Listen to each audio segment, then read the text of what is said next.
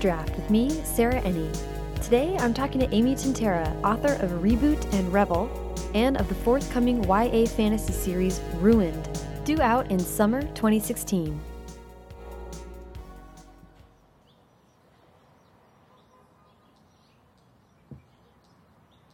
Amy looks more than a little like Kristen Stewart, and she also shares Kristen's aura of quiet strength. When I first met Amy at a librarian conference in Seattle, we were both in serious relationships.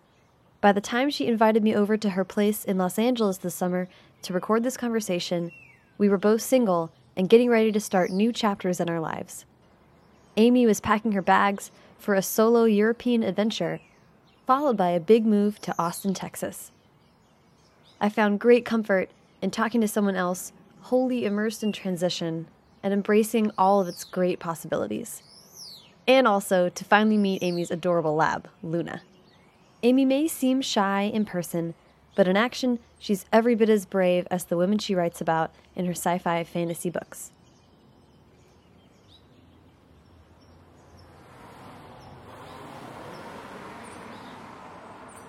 Um, so hi, how are you? I'm good. How are you? Good. Thanks for having me over. Um, getting to meet Luna, your puppy, for the first time. so cute. She might be on the uh, podcast. We'll see. Maybe. You want to make a sound, Luna? I should teach her to speak one of these days. uh, kind of starting out all these interviews at the very beginning, which is where are you born and raised? Uh, well, I was actually born in Bitburg, Germany, um, but I'm not German at all. Uh, my father was in the Air Force. So. I didn't know that. Yeah. That's awesome. I was born on an American Air Force base in Germany. I was there like a year, long enough to never be able to give blood. Mm, I think because of mad really? cow or something. Oh no. yeah. That's wild. It's strange. Um, and then we moved around for a few years uh, until my parents got divorced, and then we moved to Texas. And so I grew up in Austin. Okay. So when when did you actually get to Austin? Um, I got to Austin when I was nine. Okay. We've been in San Antonio for like five years before that. Okay, so kind of in that area for most of your grown up. Yeah. That's cool. Um, when did you leave? Did you go? Where did you go to school? Um, I went to actually my first two years. I went to Texas Tech, which is in Lubbock, which is actually a really fun school. Lubbock is kind of boring, um, and part of Rebel is actually set where Lubbock is, or where it used to be, since it's post-apocalyptic. Um, Right. Very flat and orange. um, and then I transferred to Texas A&M. Mm-hmm. I graduated from there with a bachelor's in journalism. Mm-hmm. Then I moved to Boston. and I went to Emerson College, and I got a master's in media arts with a focus in screenwriting. Um, and then I moved to LA. Emerson has a uh, a program here where you can come and study for a semester. Oh, awesome. And so a lot of people will come and do their last semester here, so that it's a nice transition to move all the way across the country. And uh, you do an internship, and then hopefully your internship will help you get a job, which mine did. So That's awesome. Okay, so it was sort of like you were eased in a little bit to living yeah, all the way out here. definitely was. Boston was a much more difficult transition for me because Texas and Boston are very different places. Yeah. What What was the pull to that particular program for screenwriting? I really I knew that I wanted to come out here for a while. I wanted Mm-hmm. to move to Los Angeles, and so I decided I wanted to go uh, somewhere different for a little while for grad school. Um, and I had just read about Emerson, and it's the exact opposite of Texas A&M. And Texas A&M has a lot of good qualities, but it's also very conservative, and a lot of people come from very small towns in Texas. Um, and I was very much an outcast coming from liberal Boston. um, and so I wanted to go somewhere super liberal and super different. It's a small private school, and it's in the middle of downtown Boston, so it's not even a traditional campus the way Wow. A&M is. And yeah, and so I just thought that the program sounded really good, and you can sort of do a mishmash of things. Um, like you, some classes you took out a camera and film stuff, which I hated. I hated it. Really? Yeah, I realized right away that I was not going to work in any sort of film or TV production. That's hilarious. Um, I really didn't even like screenwriting that much. Um, but I did like writing in general, so I kept doing it. And I was like, oh, maybe I'll write for TV.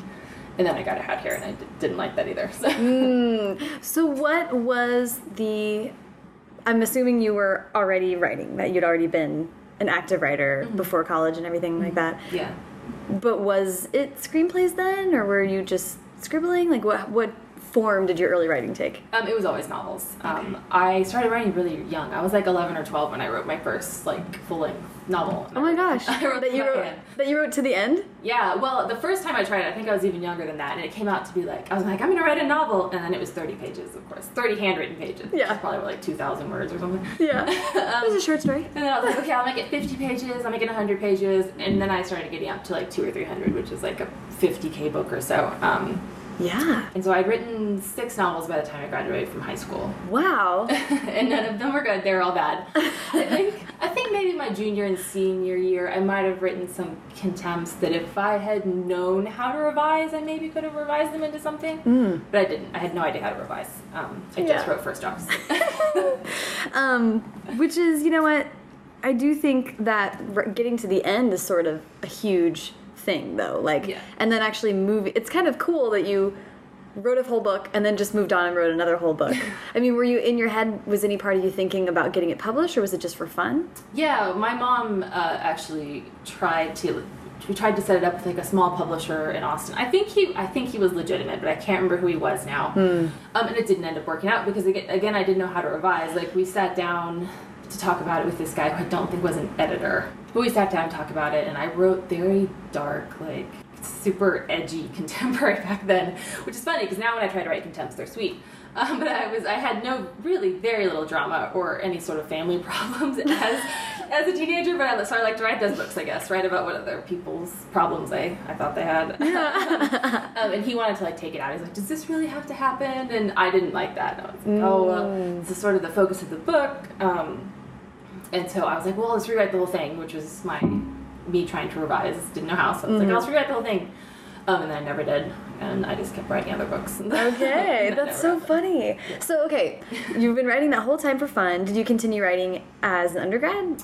Um, not really. I actually stopped finishing um, through all of undergrad and grad school. I wrote like little pieces of stuff. I didn't even start really at the beginning for the most part. I would write like different scenes of different things. Oh, interesting. Um, and I didn't really think I could be a writer. I didn't understand the difference between commercial and literary fiction back then. Um, and I thought that because I did not write pretty lyrical prose, that I was not a writer. I was like, not- my sentences are boring, and uh, I can't I can't write like a real writer. Um, so I stopped for years and years. And it was after I was working at a talent agency, and it was very clear that I was not going to work in Hollywood. And I had read Twilight, of course. and started reading YA again, and I was like, okay, well, I'll write. I'll write my own paranormal romance, which you know didn't get go anywhere. okay, wait, wait. I want to go. I wanted to. Um, totally gonna get there. But um, so this is um, so super interesting to me. Is you kind of wrote novels for fun. Obviously, felt like writing was still your calling, so you went to journalism and. um, undergrad. And then I'm just really curious about what what it was that made you think, oh, well, maybe screenwriting is what I want to do. um, people always talked about my dialogue. People always said you write such great dialog um, and you think watching movies that that what's that's what screenplays are about. It's really about structure and it's really about plot. And I, but I also just loved movies. I loved TV. I was like, oh, if I could ever write for something like Buffy the Vampire Slayer, that would be amazing. Um, and so I thought that I might want to do that. And then I don't know. My first screenwriting class was not the best experience. It was one of those where you write ten pages a week and you come in and you read it. I guess they call it workshop. I, I hate that.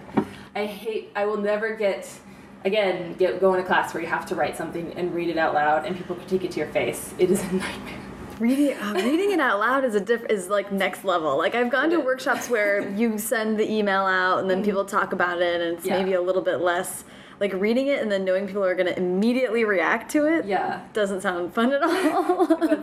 And the people were actually really nice. Everyone was very good at first saying what they liked and then saying what they were confused about or what needed improvement. But it was just a structure that I hated. Um, and even that makes sense. Reading a screenplay out loud is how it's meant to be read.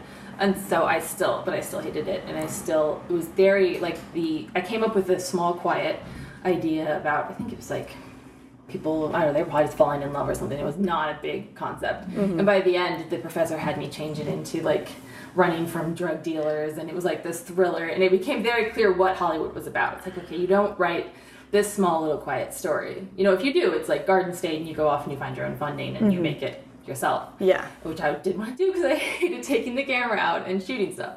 Yeah.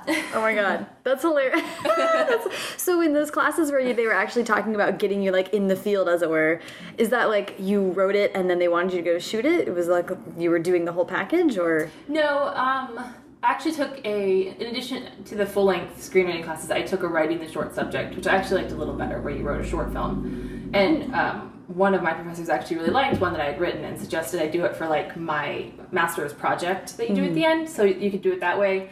I ended up doing like essays instead because I hated taking the camera out so much that I just no one picked the essay. I think I was the only person in the whole grad class who picked to write an essay instead of shooting a film. that's so like the novelist way out of the situation. That's amazing. Oh my god.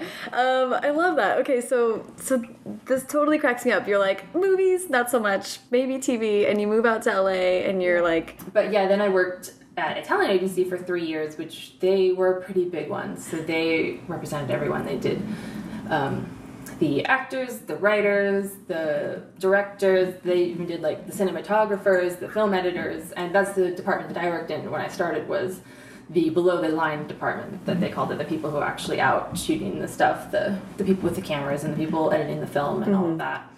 were you involved um, on the creative end at all? Were you reading script? Were you? Um, not really. I think I read, read a couple scripts. Um, that there's a lot of favors in talent agencies, and so like a film editor's like, I wrote this script and I want this the screenplay department to read it.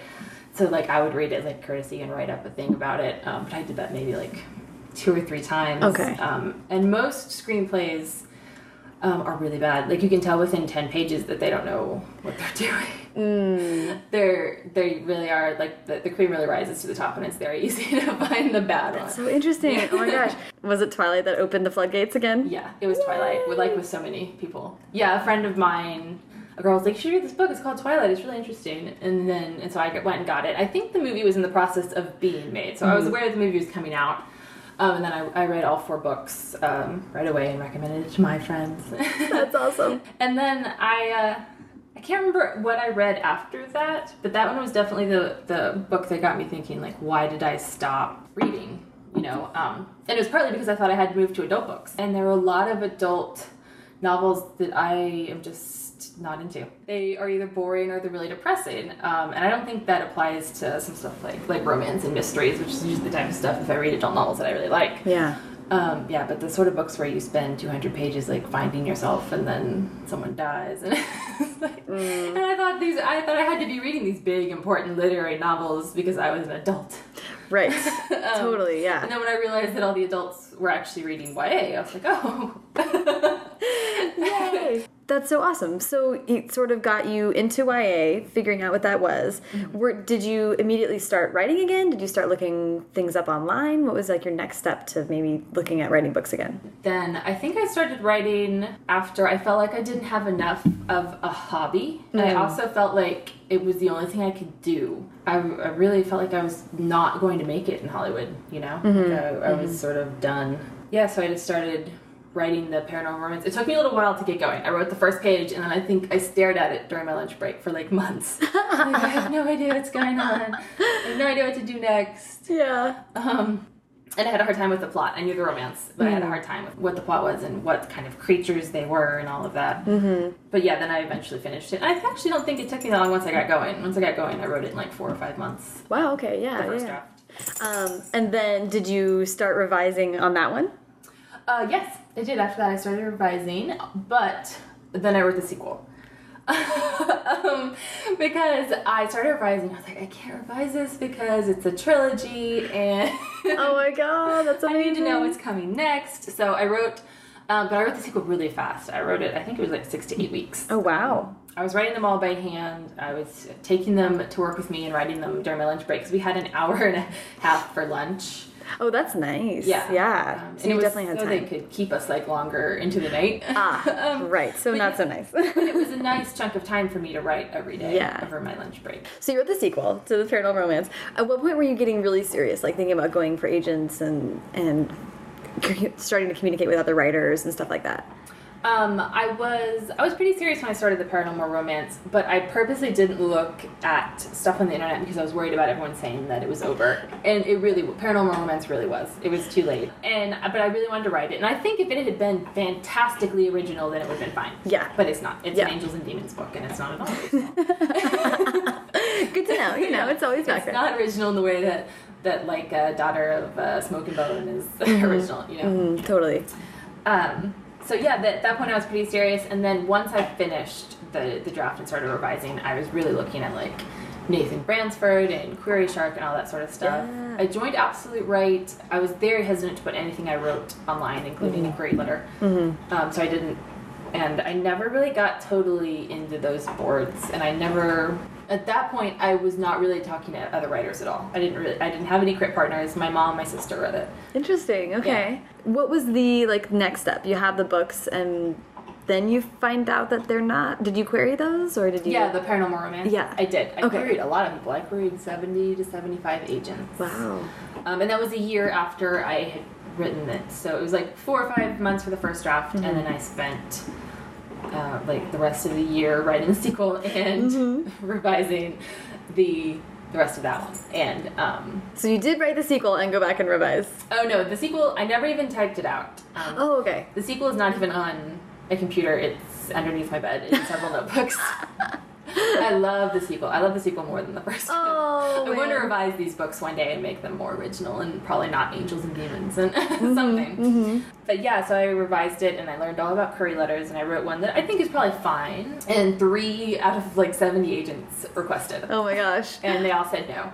One was really nice. She said, I like this, but I can't sell paranormal romance. Mm-hmm. Another one said it was too violent. And at that time, I was writing Reboot, and I was like, probably shouldn't query her with Reboot because this is way more violent. I was gonna say, um, okay, got it, got it. So, what do you? You're looking at the situation. Are you? Did you start on your new idea while you were querying, or um, on reboot? Yeah, actually, um, before I started querying, I got the idea for Reboot. Um, and I decided to take a short break from the paranormal before I did my last revision. Uh, it was like it was the day before Thanksgiving actually when I got the idea for reboot. I remember because I was like home from work early, uh, and I got the idea and I was like, okay, so it's you know it's Thanksgiving. I will write this until I get on the plane to go home for Christmas break. So I wrote uh, like the beginning of reboot for you know a few weeks, Mm-hmm. and then I went back to the paranormal for, Okay, for okay. several weeks to revise it, and then I started querying it in January. Wait a second, I, I lost the thread there. You went back to revise the paranormal, and then you, but then you came back and to finish revising reboot. Yeah, well, I wasn't finished with the first draft of reboot, so I set the first draft aside when I had I don't know how many pages I had. Got it. Maybe seventy-five to one hundred handwritten. Wow. And then the beginning went pretty quick. And then yeah, I spent a few weeks only on the paranormal, and I went back to writing the first draft of reboot. Okay, got it, got it, got it. Yeah, so I was Um, already way into writing it by the time I was getting all of these agent rejections, which I think really helped because I already had something else that I felt already was much better. Except everyone was saying dystopian is over, Uh, oh my gosh. but I refused to listen. Good, good for you. And it wasn't. They were way ahead, way too. They, they like to jump the gun these days. They were right about paranormal romance. Mm. They were saying dystopian was over before Shatter Me was out, before The Selection was out, before Cinder was out. Like it was. They said it was over several years before it was. I was gonna say, I feel like like Divergent was just coming out when they were starting to say Yeah, that. they were. They were saying it was over, and it had barely started. yeah, yeah, yeah. Um, so that's awesome. So you, um, the process of querying re- um, reboot was obviously really different. how, how long did you have to query for? Um, I think it was six weeks. Okay. Six weeks. I did like fifty agents. I narrowed it down a little bit more for reboot. Still, 50, I love it. 50, yes. I know people tell me that they they query only ten people. That's ten. Is that like the only the very very top agents? I'm so confused. Yeah, or like, or just the 10 people that you interact with on Twitter. Or it's funny how some people self Yeah. select uh, Yeah. certain little things, but that's awesome. So, how many people did you have to, or how many people requested? Do you remember the numbers for that one? It was um, it was a lot better because I think they say ideally if you get one in ten you're doing really well and Yeah. I think I got up to like two in ten Nice. eventually. Um, and then Emmanuelle Morgen, she was the one who she had several other people had it when she asked for it. Uh, but she read in less than 24 hours. She asked for it one day, and she called like she called late afternoon the next day and offered me representation. Yay! And then did you guys turn around and start subbing right away, or what was the process? Not right away. She signed me in October, and we went on subbing the very like the first day of February. Okay. Um, so, So we revised a little bit. It was also about I think she signed me in like mid October, which is not the best time to go on sub unless you go like immediately. Yeah. Because you start running into the holidays. Yeah, yeah, not a good time to be, especially not a good time to be refreshing your inbox over and over again, um, no matter who you are in the process. Yeah. Um, okay, that's awesome. And then um, it sold in February, or it sold. Yeah. Okay. Um, it was very it was very fast actually. It was like less than two weeks. Um, That's that it awesome. sold and Yay. yeah, and it went to auction with four different houses. Um, yeah, which is very exciting and very stressful. I was like sweating. I took the day off from work because they like they schedule the auction Mm-hmm. um, and you hopefully can just finish it in one day. Yeah, and I just sat there the whole day, freaked out. Yeah. Because Yeah. the thing that I tell you sometimes about auctions is they can also drop out. Like you can, you're not really sure how the auction is going to go until the day of, and Mm-hmm. you think you have four people interested, but then they come, you know, they do their acquisitions meetings real quick, and then you find out actually it's just one. And, or Yeah. But for me, it turned out really well. That's good. Oh my gosh, that's so cool. When did, was did it sell as a two book as a duology? It did. Okay. Um, and had you already started on uh, on Rebel or? Oh no, I hadn't. I barely knew it was going to happen. With Rebel, it was like a paragraph, and it was basically like I looked over it um, a few months ago, and it was just the setup, like the, the first few chapters. Um, that was all. I really don't know what, what's going to happen in a book until I write it. Um, and I had toyed with making it a trilogy, but it really felt like I was making it a trilogy for the sake of writing a trilogy. So I just made it two, which is probably a good decision. I could have.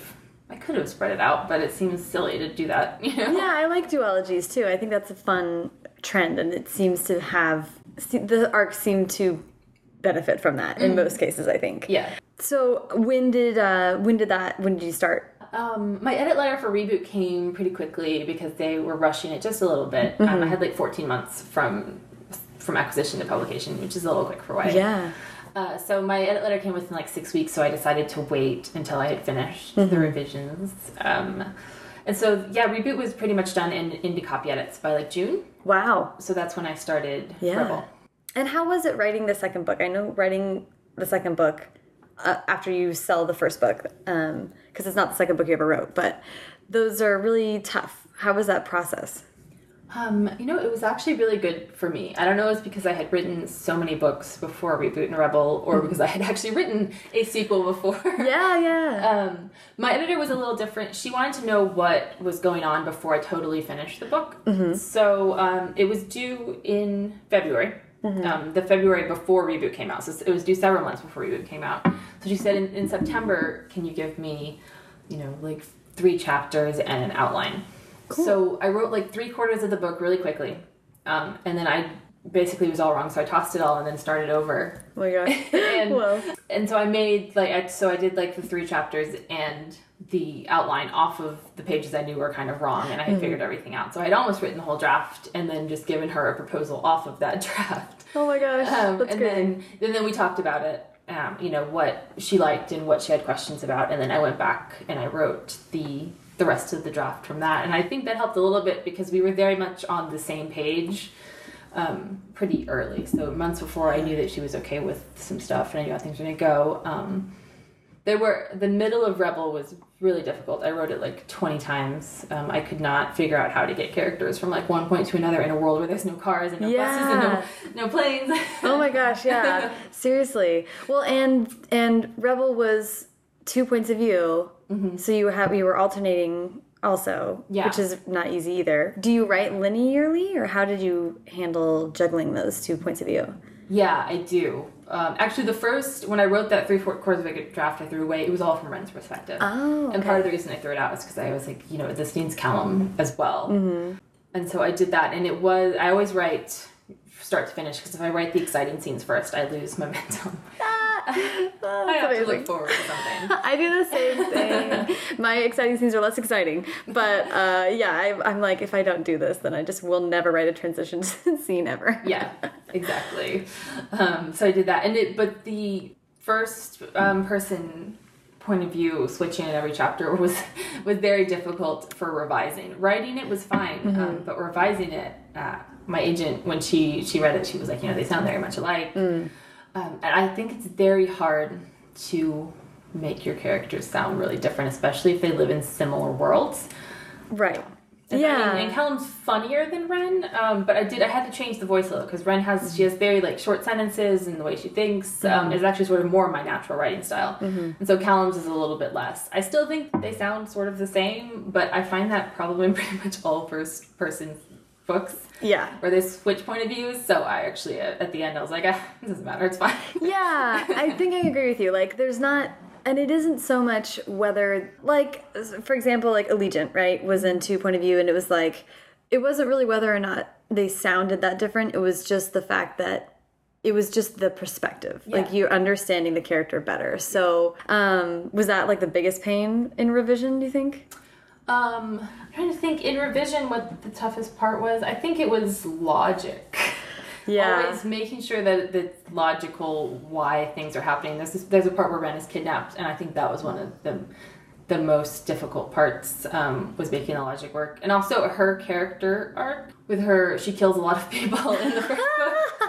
Um, so her part of her character arc in the second book is sort of realizing who she is and that she doesn't want to kill people and that sort of thing and making that work uh, was was pretty difficult because it's a pretty big s- shift for her. She shifts a little bit in reboot but then in rebel um, she has a very different kind of point of view as she gets towards the end of the book. Yeah, yeah, which on top of yeah, that's the two different arcs and the two the shifting of voice even within one character. That's that's a lot of Uh well that's awesome. So actually were you done with Rebel before reboot came out? yeah Okay. i was actually doing well i was doing line edits on tour Okay. because I toured with tour. Reboot the Oh my first, gosh. The, like the day it was out was my first event. I was yeah, so I was doing the line edits like back in my hotel room and stuff. But that that is that's smaller edits by the time you get to that point. It's not as small as copy edits, so it was a little stressful. Part of me was like, why couldn't I have done this last week? Um, but but yeah, so it was pretty much done. I was, it, which was sort of weird experience. Right. Well, that's exactly what I was going to ask. Like, um, it's sort of nice in a way that you finish the series with basically your singular vision and not like outside like reviews or that kind of thing. Like having an impact on what was actually going to happen. But what what was it like having knowing that the series was completed with and then the rest of you know of your audience is just being introduced to the series. Um, it was weird. I was always worried I was going to say something wrong. Like, Oh, you yeah. know? like I was going to mention like the character who dies in reboot, or or you know like the there's a big friendship in Rebel, and I was like, well, I shouldn't. What if I mention that? Because then you're going to realize that that person doesn't die in reboot. I was always going to say the wrong thing. Um, but it was sort of weird when people would react to stuff and say stuff they wanted to see in the sequels. Yeah. Like someone said to me once about reboots, like, I can't wait to see how these two characters interact in Rebel, and it was like the character was like not important at all. I was like, there is no drama or any interaction there. Oh, so sorry. Yeah. Yeah. Oh. So it's interesting that I couldn't really take any of their input into account, but also sort of nice because it really is just what I wanted to do because all the major stuff was done before anyone read it. Yeah. Uh, I forget who I was talking to about that, but the idea that someone would tell you something they wanted to see in your next book, and like, what if it's a great idea? Yeah. Then would you take it? You know what I mean? Like, it feels so like mixed up to be getting the feedback from it, and you're like, oh, I can't be like fu fully creative anymore. Would I have thought of that? Yeah. Who knows? I don't know. It's kind of complicated. It is, and I wonder when I want. I'd really like to write a trilogy next, and uh, that the ideas and stuff would start coming in before I was finished with the trilogy. Obviously, when the first book comes out, I'd probably be writing the third. It'd be Yeah. interesting to see if that would have any effect. you know? Yeah. So, um, what is what is next? What what is this project that you are the tril potential trilogy? Um, I've been working on a YA fantasy trilogy, high fantasy Mm-hmm. in a in a whole new world. Which, if you told me when I sold reboot that I would write high fantasy next, I would have told you you were crazy. Really? Yeah, but it's sort of a thing now. It's sort. I don't know if it's exactly a trend. It might. It might be a little bit of a trend, but it's more acceptable now than when it was. I was talking to a a YA fantasy author who said when she sold her book, I think she was a 2012 debut, um, that no one wanted fantasy. Everyone, all the agents would say, "I'll take this and this and this," and no high fantasy. Oh Man. And now it's it's much bigger. Yeah. Does it make you nervous? Besides just genre hopping, does it make you nervous to to think about diving into even a longer series than two books? I mean, was there? Did you have generally a good experience writing two books in one world, or are you? Does it make you nervous about expanding to three? No, I think because I didn't have that second book problem that a lot of debut authors talk about, it wasn't any more painful than I would say reboot was, or that any book is. yeah, yeah. Um, it was fine. Um, and actually, but this, I mean, the YA fantasy, I drafted the, the whole thing already, and it's, and I mean, it was very difficult. It, it, mm-hmm. and when I started to go back and revise the beginning, it was just a whole different level of of world building and, and difficulty and everything. But it also, I could tell right away that it was going to be my longest book ever. I don't tend to write really long. Both Reboot and Rebel are about 80,000 words, Okay. which is just standard. Um, and I never thought I would be writing like a 100k book, uh, but these probably will be around 100k. And I was like, okay, everything's running longer, and this is a much bigger story, and it's third person, which means more perspectives are going to come in in the second and third books. Um, and it just really needs, it really needs three books. Um, probably not four. Someone mentioned four to me, I was like, I think three. I think trilogy. Let's not get too out of hand we here. can talk about that later, maybe after Yeah. the second one. But probably just, probably just a, a trilogy. Um, and I feel good about it. I feel excited about getting to write a middle book. Everyone always talks about like how the middle book can be difficult and can just be a bridge. And so I'm really interested to see if I can do it. Yeah. Did you read high, a lot of high fantasy growing up? no, Really? I don't think I wrote any high fantasy. Is The Wrinkle in Time high fantasy? I don't even know. I think it's just sort of like other, yeah. Really? So I didn't really read. I came to high fantasy and YA later. Um, through like uh, Shadow and Bone. I love Shadow and Bone and um, Throne of Glass. Mm. Um, and The Girl of Fire and Thorns. Yes, love that one. Yeah, and so it was really YA that got me into high fantasy, and uh, and then I went and I read, you know, like a Game of Thrones, which I enjoyed a lot more than I thought I would, would because I have to be honest, I'm not into Lord of the Rings. I think I read like five pages of The Hobbit. um, but the um, high fantasy that I like is very character and plot driven, and it's not going to have ten pages of packing up the camp or ten pages of let's talk about the politics of the castle. Mm-hmm. you know, and that's what YA fantasy is. Like you can't you can't sit down and be like, I'm gonna info dump on you for twenty pages now. And you can do that in adult fantasy. I've been Mhm. reading some of them and it's like you start with the character's birth and you go it's two hundred pages of backstory. Like, oh my god. Yeah. You would not get away with this in way. yeah, not even for a minute. No, it's so true. And that's actually why Game of Thrones is probably the best like adult high fantasy for a YA fantasy writer to read. Yeah. It's it does absolutely do world building in an extremely good way, but like as it goes. Yeah. It's really dives in and then just builds and builds and builds and um and it's completely addictive to read, like so fun to read. Um and I think it's harder to world build um, as you go, the way a lot of YA fantasies do, and the way Game of Thrones does. Mm-hmm. It's easier to just dump twenty pages of information on the reader. Totally.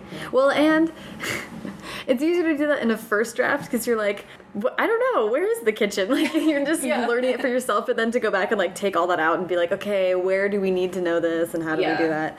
Um, that's definitely complicated. Are you have you re- revised it already, or you just have a draft? Yeah, well, I revised the beginning. Okay. Um, to try to sell that on proposal Okay, gotcha. gotcha. because I can't I can't write I can't write a summary of a book without having written a first draft.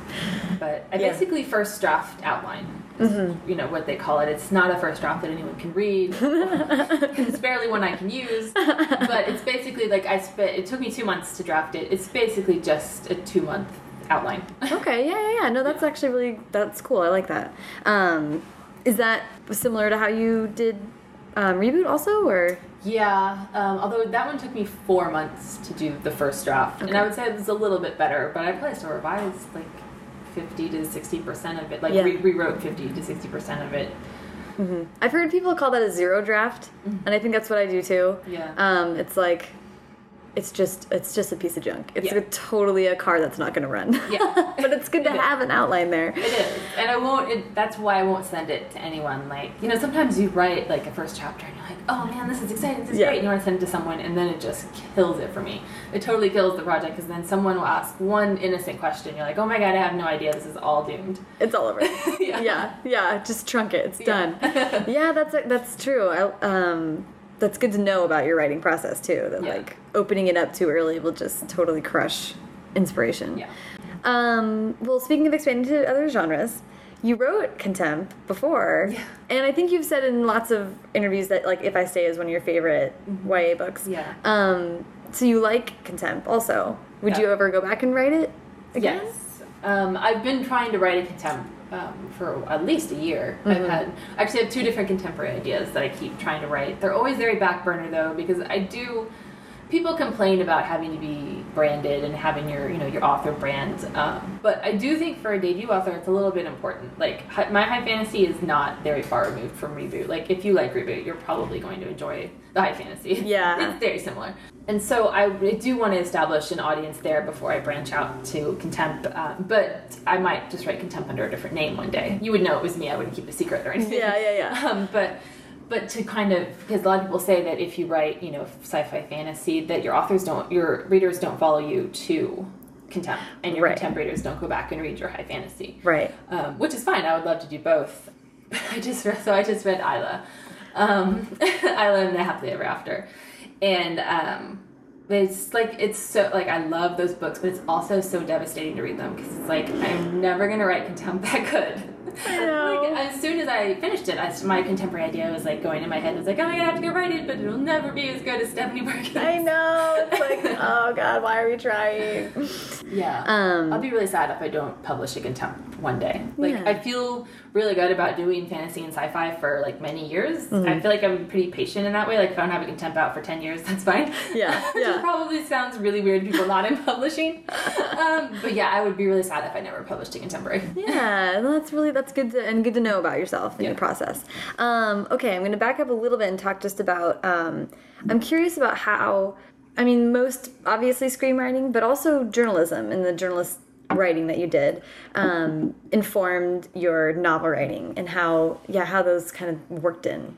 journalism i feel like really taught me to be um, concise because you only i did print journalism and they were still very old school professors they a lot of them were like in their 70s actually it was a- Wow. it was a, a program that had been around for a long time and so they are still very much like you have this many inches you know Yeah. uh, which is really not so relevant anymore there are still papers out there um, but Yeah. they can you know do as long as they want on the internet Yeah. um, but yeah, you know, we would write like you know, you would write like log lines or the the beginning of a, a story, or you would write a headline, or you need to tell the reader exactly what this is about in so many words. And so I think that taught me that. Um, but I think screenwriting made me the the writer that I am right now. I don't think that I I'm not sure maybe it would have come around without having studied screenwriting. Yeah. Um, it really taught me how to plot. It taught me about character. Um, like it's never a problem. Like I never send a book out and people are like, "This, I don't know what this is about." Like Right. I don't send a book out where there's not something happening. right, right, right. Obviously, you can summarize reboot and rebel Mm-hmm. pretty quickly and have a good like uh, hook with them. yeah, um, which is good, and I, I think that was. I didn't even realize it at the time, but I think work uh, since I was working at that talent agency, my movie brain sort of took me straight to a concept that was kind of commercial and easy to summarize, um, without even without even thinking about it. and pretty visual.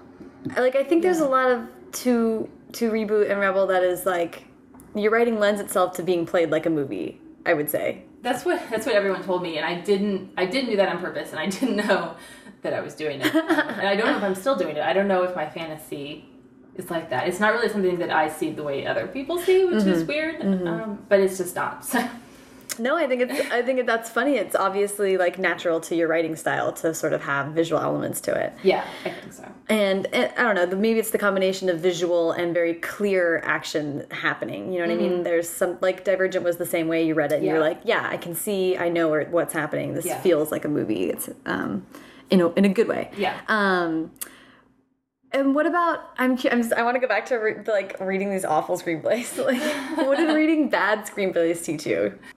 It definitely taught me that I knew how to write dialogue, ah, which sounds bad, but when you write when you read bad dialogue, you you just know it right away. You're like, oh wow. when you watch a movie with bad dialogue. Yeah. Like I mean now but I've seen movies recently that I was like, this is a good movie. But are you serious? That's all you could come up with for this like the the witty line before the main character does something great. Like Yeah. that's it. It's interesting how people seem to have no ear for dialogue. Like they, some people just understand what speech kind of sounds like and they can write out, and some people they just don't hear it. You know? Yeah. And then you get Aaron Sorkin and it's like what's Yeah. happening besides people talking to each other. I don't know. Um, Yeah, if my uh, I love writing dialogue. If my characters could just talk to each other all the time, that would be awesome. I just write whenever I'm writing dialogue, it goes so fast. That's so funny. I love that. Do you ever allow yourself to do that? Just write like a scene in dialogue and then go back and pack it in with the rest of the stuff later? Yeah, for sure. Um, I don't write a lot of dialogue tags in the first draft either, um, and sometimes I still have to be told. I tend to think that people can follow along and understand, and I have to add them in later. Oh, um, okay. The other thing about the visual element, I think, is the setting, which you set the book in Texas. But you're in LA, obviously from Texas. What was what was the um, decision making to, to set the book there? Um, I think I thought it would be sort of funny because I was like, I'll call it the Republic of Texas because Texas, you know, there's a certain group that's always threatening to secede from the Union, and Yeah. um, I just thought it'd be kind of hilarious if the whole country was destroyed and maybe the whole world. I don't, I don't really talk about the rest of the world in reboot because it's beyond Wren's uh, experience or knowledge. Um, and Texas was all that was left. And a lot of people ask me if it's because Texas has so many guns. Which is actually a plot point that comes up in Rebel that they have a lot of guns. Yeah, yeah, they're, yeah, they're, they're present. Yeah. um, but I have a really hard time writing setting. Um, so Really? when I decide to write setting, it is often where I've been. So it's in Northeast Boston area, it's in Los Angeles, or it's Texas. And Texas seemed the best to me. Yeah, for that story. Yeah, for, yeah. for that story. Um, I feel like I keep setting like my contemp that I've been working on is also set in Texas. Um, high fantasy obviously is not set Yeah. in Texas. Although that would be great too. yeah, but I feel I tend to just gravitate towards setting stuff in Texas maybe because it's just my teen experience. Yeah. Well, right. Uh, setting. Do you feel like maybe that is what helps with setting? If, it's interesting. Yeah. If you have trouble with setting, then maybe writing about places that you that are tied in with emotion too. Like it's not just a place; it's got so much more attached to it. Oh yeah, maybe so. I hadn't thought about that. That's true. Um, because and there's things in, in reboot like talking about the sky or, or talking about um, different trees, like the pecan trees. Like my grandparents had a pecan tree in their backyard, and so there are different things that are sort of like emotional for me that I put in there. Yeah, that's awesome. Uh, what book is set in Boston? Um, actually, my paranormal my paranormal romance starts in somewhere like in, in a small town in Massachusetts, like That's outside, awesome. and they road trip to LA, so it's set in both. Oh wow, that's amazing. Have you done that road trip? Is that how you got over here? Is- Oh my god, that's a long one. yeah, they stop in Burning Man. Ah, Which. I have never been to, so if I uh, revised it, I would take it out because I don't feel comfortable anymore. Or you should go to Burning Or. I could just go to Burning There you go. Yeah. Um, Kirsten Hubbard can hook us up. We'll Yes. all go next year. YA tent. that would be awesome. Um, that's so funny. Um, would you set a book in LA? Did you say that you had set one in LA? They they road trip to Los Angeles in that paranormal romance. They don't spend that much time there. I probably would if I felt like I needed. Yeah, if I needed Los Angeles for something or a certain type of character. There's a really, I mean, there's a lot of diversity here. You can have mm-hmm. have someone living like where I used to live in Van Nuys, which is a like a poorer area, or you can have them living in Beverly Hills. It really, it's a mm-hmm. big.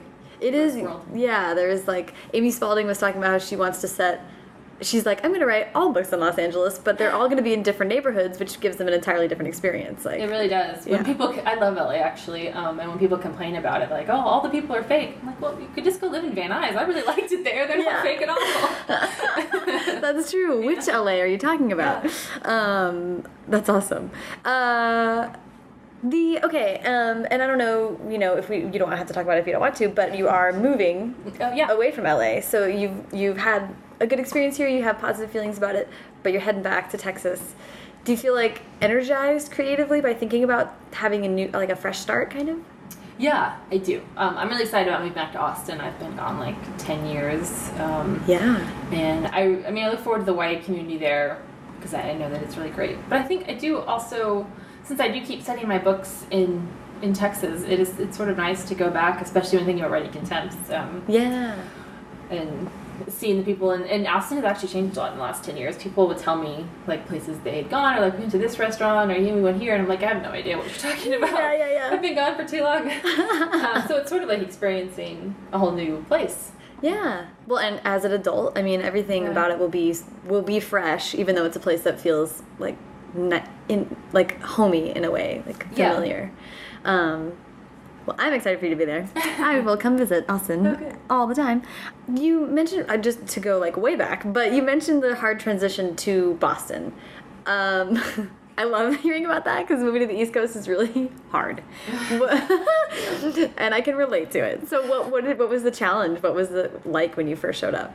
I think I, like, I was living with a roommate. Like he was a guy that I had met online. I had visited Boston before and met him, so that actually ended up being fine. Um, but I mean, the public transportation, you really need to take it in in Boston. It's not quite as good as New York, but she's still really. It's not the best driving city. I took my car, um, but it's still sort of tough. So getting used to often spending, I mean, at least an hour one way going going to your wherever place you're going um, and then i did drive to certain places and they they're insane in boston Really? it's, I mean, people come to LA and they say it's bad. It is nothing for me compared to Boston. Um, they have no regard for any sort of traffic signal. The cops don't care. They have better things to do. um, and most of the streets aren't marked. They have these like roundabout things, you know, where there's like five different streets that come off of a circle. None of them would be marked. I would just have to go down each one until I found a street sign. Oh my God. it. Wasn't on the phone yet. There was no iPhone Right, yet when I moved to Boston, and I didn't buy one of those expensive GPS systems. I just, I guess, I mean, it made me a stronger person. I guess. Right. oh my god, that's so funny. Yeah, when we first moved to Maryland, it was like the um, signage was horrendous. Mm-hmm. You would be on the freeway, and the exit would be like all of a sudden right there. Like the first Yeah. sign is at the exit, and then it takes a ninety degree pin turn, and you're going at seventy five miles an hour, or at least we were. Yeah. Um, I tell people like the drivers in California are aggressive, but it's because everyone has somewhere to go and they know where they're going. Yeah. And in Maryland, I don't know if this was true in Boston, it was like not only did people have no regard for traffic laws, but it felt like no one knew where they were going or what they were doing. So it was everyone was just veering around and cutting people off, and it was insanity. And it still is, and I hate it. yeah, no, it is. That's one of the reasons I can't really imagine living on the, in the Northeast again. Yeah. It's too crazy. I mean, and not to mention the weather. The, the weather is just. yeah, what was that like? I mean, it was actually they said they were pretty mild winters when I was there, so it was not. There was no like getting snowed in for like two weeks or anything, which I think happened recently. Um, Mm-hmm. But it was it was very cold, and I was sick a lot. Um, whenever it was in, in Boston, did not agree with me. I was sick Really? the majority of the time that I was in Boston. Oh my gosh, yeah, that would color your experience for Yeah. sure. Oh, just not well the entire Yeah. time. yeah, and maybe it was the weather change, or maybe it was just something in the air. Maybe I had allergies. I don't know. Yeah. Oh, That's crazy. Okay. Um, well, while we're talking about place, you're also going to Europe for the first time. Yeah. That's so exciting. Yeah. What are you? How did you decide where you wanted to go? Um, it was a little bit based on places my sister had been because my sister is like my best friend and we tend to like the same stuff. Um, and so she loved Paris and Barcelona. She did a semester in Spain. Um, oh, cool. So she loved Paris and Barcelona. So I decided I would definitely go there. I decided I want to start in London because I speak the language. Yep. I That's a like, I good need start. to ease into this because I'm scared. Yeah. Um, and so I did that, and then um, I, I'd heard that Prague was nice, and so I, I don't know why I decided on Prague. I've, I'm also published in the Czech Republic, so part of me was like, oh, I should go there and see my book. um, Uh, Daughter of Smoke and Bone, probably. What? Daughter of yeah. and Bone. like I read that and I was like, why am I not in Prague right now? yeah, maybe that maybe that stuck in my head because that was very. I remember reading that book and it felt like you were in Prague. It, yeah. So atmospheric. Like. yeah. Um, so I thought, so I decided to go there, um, and then I think I also maybe I decided on Prague also because I wanted to go to Germany since I was born there. Yeah. But I have no memory of it. Um, I'm not going to Bitburg because I don't really know what's there besides an Air Force base. Just an air. I'm pretty sure it's just Yeah. an air base. um, but Berlin seemed like a good idea. Yeah. Um, and then Amsterdam. Actually, I have a friend who lives in in Amsterdam. Cool. Uh, Corinne. I don't know how to. I can't pronounce her last name correctly, Oh. but it's Du. It's sort of like Duvis, but she says Americans can't pronounce it correctly. yeah, I know who you're talking about. That's yeah, awesome. She wrote Otherbound. Um, so I can hopefully say hi to her while I'm there. That's cool. Um, that's like an amazing trip. That's gonna be so rad. I'm excited for you. Take notes because you can set books in all these places. Yes. Um, okay, you did mention earlier. I just kind of want to go back to this really quick because I'm very curious about when people decide to revisit books. Um, and you mentioned that you had those couple books that you Angel Demon two book series, but you still feel a pull to maybe go back and and try that again. What do you think it is about that story? Because you have like six books you wrote in high school. You have definitely a lot um, that you could go back to if you wanted. But Yeah. what makes those stories stand out? Um, I think it's always for me the characters. Mm-hmm. Um, I love those. I love those two characters, the the girl and the guy. Um, and I sort of loved how I set up their their romance. It was a very slow build across the whole trilogy romance. Oh, that's awesome. Which is not reboot at all. And actually, part of the reason that I started the reboot developed so much more quickly in reboot is because I had just written this paranormal romance where it was very slow. and I think that's a lot of fun to read, but it's a little bit frustrating to write. Mm-hmm. Um, but I would keep it the same way if I went went to revise it because I love the slow build romance, and it's we don't have quite as much of it in YA. We like our kissing and our feels and all of That's that. true. We in do YA love our days. kissing. Which I, you know, I can't really can't really blame everyone for that. but the slow build is great. I mean, we both got intro introduced to YA again, at least um, from Twilight, and that's like Yeah. the slowest build of all time.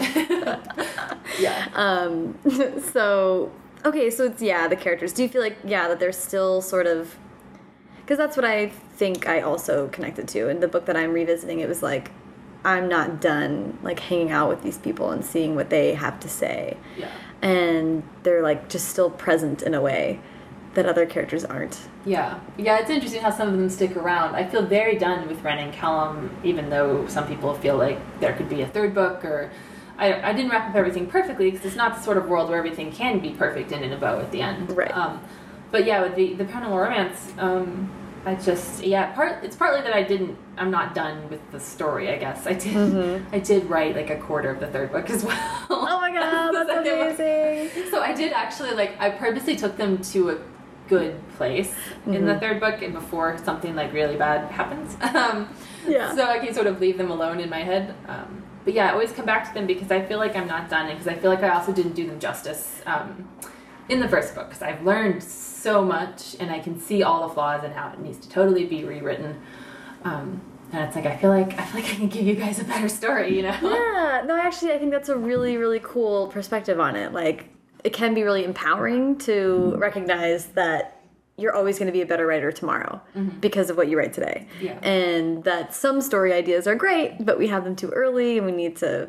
It's it's like sad to think of writing a story that you're like I'm just not good enough for this yet. Yeah. But at the same time, like you will get better and Yeah. you can tackle again later. Okay, and my last question is a little silly, especially um, because today you're wearing jeans. But I was gonna say all writers have this like like I don't want to wear real pants Yeah. like situation, and you have solved this because you always wear dresses. Yes, I have. And what's funny actually is that I just bought these jeans um, a couple weeks ago, and I think it was last week when we were on tour that I wore jeans for the first time in like two years. Oh my god, that's amazing. Living in LA, you really don't ever need to wear pants. No. Where you rarely even need to wear tights. But I love wearing dresses. It's like wearing pajamas in public. It is. But you look fancy. What do you? Where do you get your favorite dresses?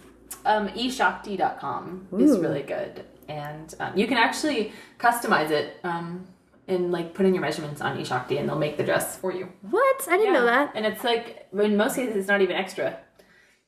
That's amazing. I know, and they're not even that expensive. This is another completely self-serving question because that was awesome. Um, changing my life. Okay, I just have two questions left. Which is first one is if I say movie, it's like one of your favorite YA books, right? Yeah. How are you feeling about it? Are you nervous? Um, I'm really excited because I just reread the book last week uh, to Oh, get ready. 'cause It's been a couple years since I'd read it. Um, and I saw Gayle Forman do a panel at RT, and she seemed like she really loved it, which made me feel really good about it. Yeah. And I don't know, the trailers look good. So. I'm excited. I'm so I'm like that one is one I'm gonna go see by myself because that's gonna be a mess. I know. A total I'm going mess. to see it with my friend. Um, but she's read the book too, and I think we've just both agreed that we're to cry the whole time. Yeah, good. Good to know that going in. Yeah. Everyone accepts it. Don't worry. I I have makeup that day. You're just Yeah. done. Um and okay, the last I've been kind of wrapping up the interviews with asking for um I know you get this question a lot, but for writing advice. No, I would I guess I'll say not only what advice you would give to a new writer, but also what advice would you give to someone um who already who's like sold a book and is sort of starting out on like a writing career. If there's anything you've learned that would be helpful for them. For like a beginning writer, I would say to do things like like what feels comfortable to you, because some people say you have to write every day, um, but there are some. I think it was Maggie Stiefvater at SCBWI was saying that she can't do that. She needs to let things stew for a few days, and then she writes a bunch of words, and then she needs to take a few days off and. And do it that way. Um, and she's doing all right. and she's no, quite okay. No one's going to say that she's not a full time writer. Yeah, and some people will say you have to outline or you have to do it this way or I found the magical way. You know, if you write ten thousand words a day and just dump your brain, and, you know, it's fine. Yeah. Um, but everyone does it differently, and every book for me is differently. I've written some books very quickly, and some are really slow. Um, and so I would just say to trust your instincts and not to listen to too much writing advice, which is probably a weird thing to say when you're giving advice. um, and for people who are like just starting the writing career, which is me too, mm. but I guess for like 20, uh, 14 and 15 debuts, um, I would say to try not to worry about things you can't control because I spent a lot of time worrying. My debut year was very tough. Um, and I was worried about stuff that I couldn't control and things that turned out just fine. Like everything turned out wonderfully, and I spent a lot of time worried about it. Yeah, that's hard. Yeah. Um, what did and last thing I swear. Um, what did you you were really involved in the debut group? Speaking of that, mm -hmm. um, if you don't mind like breaking down like what the group was and like what you did and maybe what you liked about that yeah because you guys were really involved that year especially um i was in the the lucky 13s which is the big general debut group mm-hmm. sometimes mm -hmm. there will be smaller ones like 2k13 or i think there's one called the 13ers where there'll be like little mini groups of people this is one with over 100 yeah um, and it's really mostly just for support mm -hmm. um, where you can talk to each other because you're all in the same place uh, mm -hmm. and some people are a little uh, little bit before you and a little bit after, and so they can can give advice. You can give advice, um, and I think that was really crucial. They can also make you a little crazy though. on the other side because you make each other crazy yeah you start worrying and you start speculating or something goes really bad for one person and then you start worrying just about yourself when really you should just be giving some sympathy and lend an ear and not right. not right. transfer these things onto you because everyone is different that's so hard though yeah um that's cool. Yeah, that the the groups are really. Um, I don't know that they're right for everyone or that every writer gets the same out of them, but yeah. it seems like at least a nice place to know you can fall back and have people that understand yeah. what the heck is going on. This is a very unusual thing to have to go through. So it is, and it's really nice uh, for your like your debut day because they all, you know, it's like a whole mess of, of Twitter, and I would say like half to three fourths of them are your fellow debuts congratulating you, you know, and it makes it yeah. kind of a special day. Yeah, that's so cool. What did you do for your debut day? I was on tour. Oh, that's right. Your first event. Yeah. I was with uh, Kiera Cass, Liz Norris, and Aprilynne Pike, and we were in, where's the Mall of America? Is it Minneapolis? Mini, yeah, I was going to say Minnesota. I think it's Minneapolis, Minnesota. Um, and so we went to the mall where they have like the uh, roller coasters and stuff inside, you know, they have yeah. inside the mall. It's a crazy mall. So we went there in the morning, and then we did a, the event uh, later in the evening. Was the event in the mall? No, we went and signed stock. Oh, okay. At Barnes and Noble, and of course, my book was not out on the shelves yet because it was the morning it came out, and Barnes and Noble does not tend to be that quick. They, they, no, they need a few hours. Yeah. Um, oh my gosh. And so they went and got my book out of the back, and I signed it for the first time. That's awesome. Yeah. Oh, fun. Um, well, thank you so much for talking. Oh, sure. That was fun. awesome.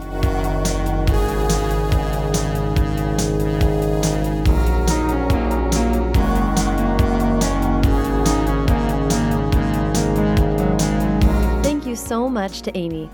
Follow her at Amy Tintera and follow the show at First Draft Pod and me at Sarah Enni.